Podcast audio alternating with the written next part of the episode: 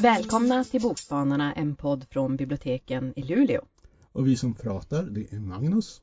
Agneta. Och Julia. Och vad ska Ah. vi prata om idag? Ja, jag tänkte i alla fall prata om en författare som jag tycker borde ha fått Nobelpriset. Det är inte för sent än för hon lever ju faktiskt. Så det är inte Astrid Lindgren? Det är inte Astrid Lindgren, det är det inte, men det är Joyce Carol Oates. Mm. Ja. Och Joyce Carol Oates är, ja hon är ju en av mina favoriter och nu vid, ja kan hon vara 83 år, 83 års ålder så har hon då kommit med en riktig, riktig tegelsten som heter Natten, Sömnen, Döden och Stjärnorna. Och varför jag läser upp titeln på det där viset det är för att det är en punkt mellan varje ord. Så att det är inte natten, sömnen, döden och stjärnorna utan det är natten, sömnen, döden och stjärnorna. Och den här är alltså 863 sidor lång. Ehm, Ska man lyssna på den så är det ju över, har man över 30 timmar i sin, i sin telefon. Eller vars man nu lyssnar. Men den är ju den är ju mycket amerikansk, det är den ju. Jag menar hon är ju amerikan. Men den handlar om en, en familj som är helt utan kompassriktning sedan familjens överhuvud som kallades Whitey, han dör. Och han var någonting av en, en samhällets stöttepelare. Och när han är på väg hem från kontoret en dag så eh, ser han två poliser misshandla en svart person. Och han ingriper men blir själv svårt misshandlad. Och så småningom så, han vaknar aldrig upp efter den här, ja de tror att han, att han håller på att pigga på sig men, men han får alltså en stroke. Och blir, ja alltså han blir ju sängbunden och de, familjen är ju där hela tiden, turas om och väntar på att han ska bli piggare och precis när de tror att han håller på att pigga på sig så får han en infektion och dör. Och året är 2010 och Whiteys fru Jesselyn hon är bara 61 år men hon framställs, jag som då är några år mer än 61, jag känner så här, men herregud 61 då är man ju fortfarande typ ung. Typ, ni vet alltså liksom. Eh, men hon ska ju då försöka få tillbaka fotfästet i tillvaron. Men det är som att hennes barn då eh, fem, hennes fem barn de har lite svårt för att se sin mamma som någonting annat än som pappas fru och som mamma. Så att de, de har svårt att se på henne som en, en riktig person så att säga men hon allt eftersom tiden går så inser hon ju att Whitey kommer inte tillbaka hur mycket hon än pratar med honom och hur mycket hon än skulle önska att han gjorde det. Men de här fem barnen de reagerar ju på olika sätt också av sorgen. Någon verkar ju helt oberörd medan den äldsta sonen Tom han, han är fanatisk i sitt försök att få reda på vad var det som egentligen hände för de här poliserna har ju en helt annan version av vad som hände. Och Det är väldigt intressant tycker jag att, att läsa och fundera på det här med hur, hur man reagerar på sorg. Och jag tycker att, att Joyce Carol Oates skriver ett väldigt trovärdigt porträtt av den här änkan. Hon har ju själv blivit änka eh, och jag har ju säkert nära till de där känslorna fortfarande trots att det är, trots att det är ett tag sedan. Och de här frågorna, vad är, vem är hon utan sin man? Och vad är egentligen en änka? Och vad gör en änka? Och inte kan väl en änka bli intresserad av en ny man? Mm. Och sen så är det, jag som tycker om katter, i den här boken så förekommer det också en stor enögd katt som ja, får stor betydelse i, i, i, i Jesselins liv. Och jag tycker absolut att, att man ska läsa natten, sömnen, döden och stjärnorna. Och jag hoppas ju varje år att Joyce Carol Oates ska få Nobelpriset. För att jag tycker att hon skriver ju, det skriver hon ju som sig själv, Joyce Carol Oates, men sen skriver hon ju lite mera rysaraktiga böcker eh, under namnet Rosamund Smith. Och så har hon ju även då en, en eh, annan pseudonym Lauren Kelly. Men hon skriver ju också ung, väldigt, väldigt läsvärda ungdomsböcker så att hon har ju en bredd, men hon kanske är för bred, hon kanske är för lätt tillgänglig, hon kanske är för bra helt enkelt. Jag vet inte. Hon har ju även skrivit självbiografiska böcker. Änkans bok som handlar Jajamän. om hennes sorg när Mm. hennes man dog. Ray. Som är väldigt intressant att läsa. Ja. Ja. Och sen skrev hon ju den här ikoniska Blond om Marilyn Mm. Monroe. Den ska väl bli tv-serie va? Jaså? Ingen aning. Eller jag vet att eh, Netflix ska ha en tv-serie som heter. Blond om Ja. Marilyn Monroe. Men om det Ja. bygger på den boken, det... Det låter väl nästan så. Ja. Och sen har hon ju skrivit en bok om boxning också så att hon är ju Ja, hon har en bre- sällsynt bredd. Mm. Mm. Det var jag. Det var det. Det var Nobel. Ge Nobelspriset åt Joyce Carol Oates genast. Absolut. Nej, men nej, vi, vi fick att pratade om det här om vi skulle ha Nobeltema. Då tänkte jag, men herregud, vad ska jag göra? Så gick jag igenom listan, vilka som har vunnit Nobelpriset. Och då kände jag, nej, jag vill inte läsa någon av de här. Och så tänkte jag, ja, men jag googlar eh, vad folk, vem folk tycker borde, borde vin- vinna priset, tänkte jag. Då kanske jag hittar någon. Och då var det många som rekommenderade eh, Jamaica Kincaid. Och då tänkte jag, men henne har jag inte läst någonting om. Tänkte, det, det tar jag, då kanske jag hittar liksom ett, det är ett nytt författarskap och det är någon som pratas om i samband med, med Nobel. Så tänkte jag, då testar vi. Och eh, Jamaica Kincaid, eh, hon föddes 1949 på karibiska ön Antigua. Och hon kom som tonåring till USA där hon fortfarande bor. Och hon är enligt bokförlaget och Tranan som ger ut henne berömd för sina skoningslösa skildringar livet i det brittiska kolonialmaktens periferi. Så då har jag läst hennes debutbok här som kom på svenska 84 På flodens botten. Och det är en novellsamling där naturen spelar en viktig roll och vi får inte reta någonting om berättaren. Ehm, men det verkar vara en ung kvinna, det är det man kan Ehm, och det är eh, vackert språk. Kanske inte alla skrivregler följs, men det gör, gör ingenting för hon använder språket på ett eh, väldigt speciellt sätt. Och berättelsen har inte alltid en början, en mitten eller en slut. Ehm, men det är inbakat så mycket betydelse känns det som i olika meningar att man skulle behöva läsa den fler gånger och flera saker går säkert en över huvudet för man inte har de eh, kulturella kanske förståelsen av vissa saker. Men det tycker jag inte gör någonting. Och jag uppskattar den första novellen heter Flicka. Och i den räknas det upp saker. Um, um, och det, det är som bara en lista med saker som räknas upp, men man får som en... Genom listan så får man ju en uppfattning om eh, hur de tycker man ska leva för att vara. Man ska tvätta vittvätten på måndag och med färg på tisdag. Saltfisk ska läggas i blöt över natten innan du tillagar den. Man ska aldrig tala med matroser. Man ska inte äta frukt på gatan för då får du följa med flugor. Och så lär man sig så hur man ler mot någon man inte tycker om. Och så ska man absolut inte nedlåta sig att spela kula. Du är ju ingen pojke. Mm. Och det, det är liksom två och en halv sida bara liksom av typ förmaningar blandat med instruktioner. Och det, det ger som ändå, tycker jag, en, liksom en bild av eh, hur ett, liksom ett liv kan vara, hur man tycker att man ska vara som flicka Mm. där.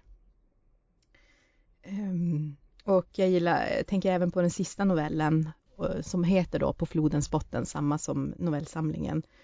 Och där är det väldigt, eh, mer lite, alltså det handlar om livets gång, det pratas om, om årstidernas skiftningar, liksom om livet och döden. Eh, Men det handlar ju egentligen kanske alla berättelser om att, som det står i den här novellen, att döden är en outgänglig del av livet, men livet är inte outgänglig för döden. Och det sammanfattar ju ganska bra. Och jag, jag, jag tänkte, ja men jag ska läsa någonting mer och då läste jag hennes En liten plats. Mm. Och eh, den här texten publicerades 88 och det ska vara en av hennes mest spridda texter. Och i den här, och den läses och diskuteras på universitetskurser i postkoloniala studier. För det, det, det är som hennes inlägg i debatten om turistexploatering och exotism. Och eh, alltså man får verkligen väcka tankar den här, för den är ju som skriven i vrede. Eh, om det koloniala arvet på hennes födelseplats i Antigua. Hur turister, och här tänker hon ju på amerikaner och europeer, de som inte tänker på sin påverkan när de besöker en plats. Till exempel, ta som exempel, att vad händer egentligen med det som spolas ner i toaletten och spottas i handfatet på en plats som inte har ett reningsverk? Mm. Men det tänker man kanske inte på när man njuter på sin, liksom, sitt fina hotell. Eh, Hon tar upp de här rikedomarna som är byggda på slavhandel. Hur engelsmännen försöker göra platser de erövrade till England. Och hur det här arvet lever vidare, att, att de har lärt av engelsmännen och nu är det stora problem med korruption Mm. bland annat och annat. Ehm, och det sticker ju verkligen ut tänkte jag när hon, när hon skrev att eh, hon har inget annat språk än engelska. Kolonisärernas språk att uttrycka vrede på. Alltså hon, hon har inte ens ett eget språk. Hon har de som liksom kom och tog över och tog Mm. allting. Det är deras språk hon har. Liksom att uttrycka sin vrede på. Det tyckte jag var väldigt så här starkt. Så att jag tyckte, jag gillade Är det, är Jamaica det samma Kincaid. sorts språk i den där då som i den första? Ja, hon, sk- hon skriver ju väldigt, väldigt... Nästan lite dialektalt eller vad? Nej, alltså jag vet inte om jag tycker att det är dialektalt. Men, man förstår ju, det, det är ju inte konstigt språk. Det är mer som Mm. rakt på sak. Ja. Fast det ändå är så inbyggt så mycket liksom, betydelse beroende på hur på ordval. Men, men jag tyckte, eh, jag förstår varför den är så diskuterad och det känns ju ändå aktuell idag när det pratas så mycket om institutionell eh, rasism och sånt. Mm. Vars, liksom, hur det ser ut idag kommer ju från hur, hur det såg ut liksom Mm. förr i tiden. Ehm, och eh, båda böckerna här var i jättefin översättning av Madeleine Reinholdsson. Så att jag tänker att nästa bok jag vill läsa av henne heter Lucy. Och den bygger löst då på hur författaren som tonåring blev skickad av sin mamma till New York för att jobba som barnflicka hos en vit Mm. familj. Och det känns som att, att det skulle vara Mm. intressant att fortsätta. Och sen har hon även skrivit böcker om både sin bror och sin mamma och sin pappa. Så det känns Ja, jättespännande. Just det, för den, är det om pappan, är den som är den senaste? Jag tror nästan det. Ja, jag har faktiskt inte läst någon bok av Jamaica Kincaid, men det måste jag göra, nu blir jag sugen. Mm. Absolut, jag kan re- rekommendera och de är i väldigt fint så här kort format också. Inte som min 800. ja men det kan också ha sin charm men, men eh, Men det är väl idén med Joyce Carol Oates. Det ska vara 800 sidor. ja, kanske. jo, många av hennes böcker är riktiga men jag, Mm. jag tycker verkligen, jag, jag kan se varför folk, att hon finns på många listor Ja. där folk tycker att hon, hon borde vinna Nobelpriset. Mm. Men Magnus, vad har du hittat? Eh, Jag har haft lite problem med den här uppgiften. Därför jag tycker idén med Nobelpriset och det som gör det intressant, det är att jag aldrig vet vem som ska få det. Nej. Till skillnad då mot eh, Polarpriset som är sådär som, jaha, nu har de gett eh, priset till Stevie Wonder. Eh, och jag har lyssnat massor på Stevie Wonder och jag kommer verkligen lyssna mer eller mindre därför att han får ett pris. Mm. Och jag har svårt att tänka mig att hans liv förändras på något sätt egentligen. Mm. Så jag skulle till exempel kunna prata om Margaret Atwood, men det är ungefär samma situation. Om hon får Nobelpriset, jag skulle inte läsa Du, mer du av henne. gillar det här när de gräver upp okända författare? som- Ja, alltså det är ju det som är intressant, det är ju det som gör priset meningsfullt. ja kanske. För om det bara liksom ges till folk som är etablerade, då kan man ju ifrågasätta, behöver de priset? Och framförallt, i och med att jag är väldigt självisk i min läsning, vad ger det mig? Mm. Men det finns faktiskt en författare som jag tycker borde få Nobelpriset. Och det är därför att hon har skrivit så fruktansvärt få böcker. Så hon skulle behöva någon som vred om armen på henne så att hon åtminstone hann spotta ut fem till tycker jag innan jag dör. Innan du dör eller innan hon dör? Innan jag dör. Eh, hon tar nämligen, eller det har tagit nämligen ungefär tio år mellan Mm. varje bok. Okej. Så- nästan att jag kan gissa. Om 20 år så är jag 80 år och jag vill läsa mer av henne. Och vem gissar du då? Donna Tartt. Precis. Hon är så bra. Och hon har skrivit alldeles för lite. Även om det kanske är precis lagom. Mm. För de flesta författare som skriver mycket, de har ofta sådana mellanböcker som jag aldrig orkar läsa. Nej. Men Donna Tartt hon har skrivit Den hemliga historien, Den lilla vännen och Steglitsan. Och de är så bra allihopa. Mm. Jag håller med. Den hemliga vännen är liksom någon slags eh, bildningsdrama. Alltså den kom ungefär när postmodernismen uppväckte intresset för klassisk eh, kultur. Nu jag gör du- mima lilla vän, den lilla vännen. Eh, den hemliga historien. Ja. Nu sa jag fel här. Eh, den hemliga historien den eh, ansluter sig till samma stämning som i, i Döda poeters eh, sällskap. Mm. Man kan säga att klassisk bildning är något som är både eftersträvansvärt värt men ändå liksom kan medföra en stor sorg.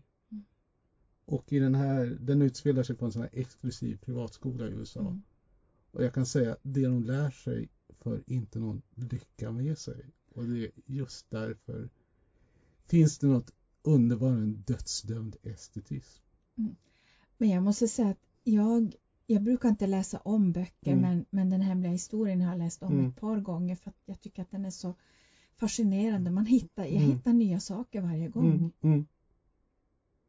Och det är också så intressant att en bok som är egentligen så kritisk mot sitt ämne lyckas hylla det. Mm. Och jag vet att den står ju på ungdomsavdelningen. Eh, så den betraktas antagligen som en sån här young adult-bok. Mm.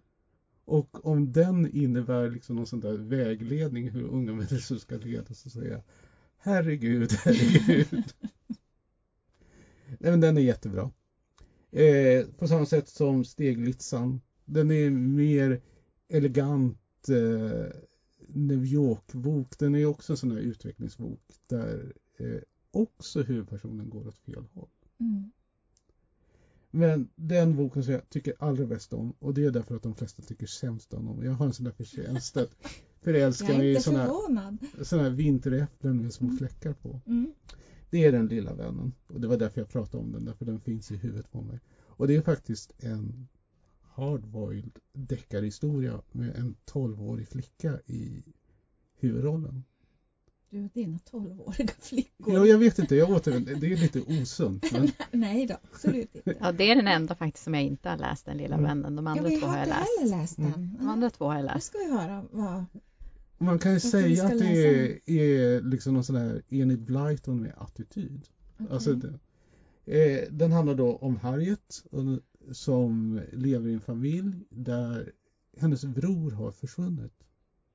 Och ingen vet liksom var han har tagit vägen och det är en sån här familjehemlighet som ingen pratar om. Och det bildar ju liksom någon slags smärta liksom i det här tomrummet. Så en dag så bestämmer hon sig för att ta reda på det.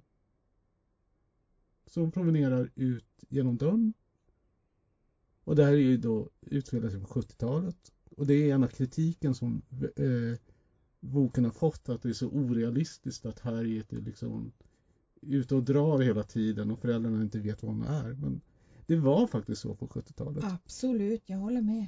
Man sa till sina föräldrar hej då och så kom man tillbaka Mm. Sju timmar senare och de tittade på en och sa är du redan hemma? Ja. Eller var ska du gå? Ut? Mm, ja.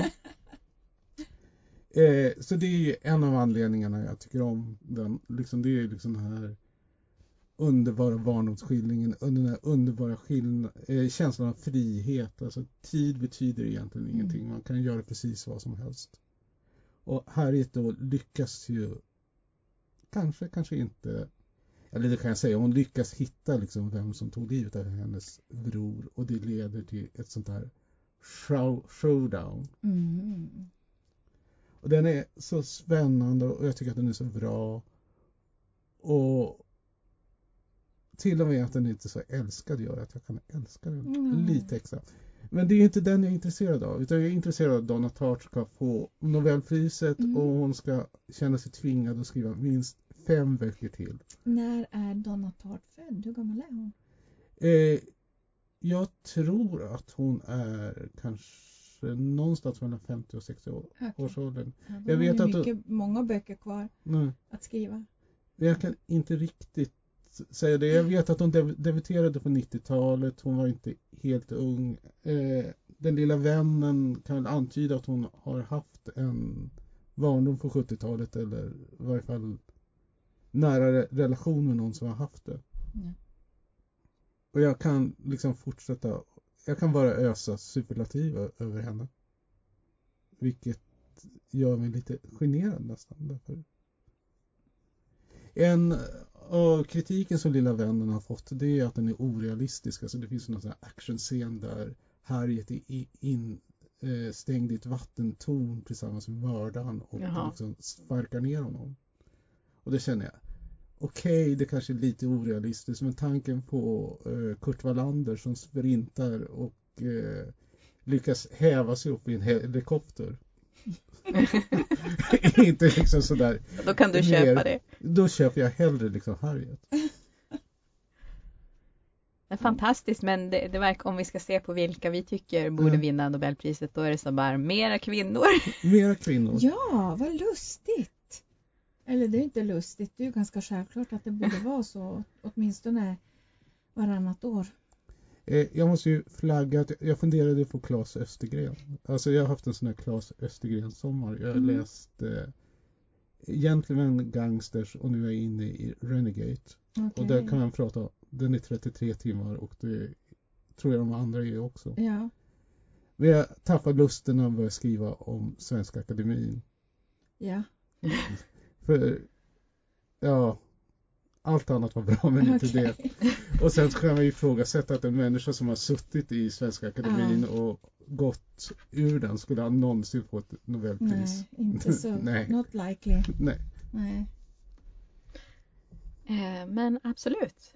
Då tipsade jag om En liten plats och På flodens botten av Jamaica Kincaid och jag tipsade om Joyce Carol Oates Natten, Sömnen, Döden och Stjärnorna. Och jag tipsade om Den lilla vännen av Donna Tartt. Men läs de andra två också. Mm. Så, hej då! Hej då!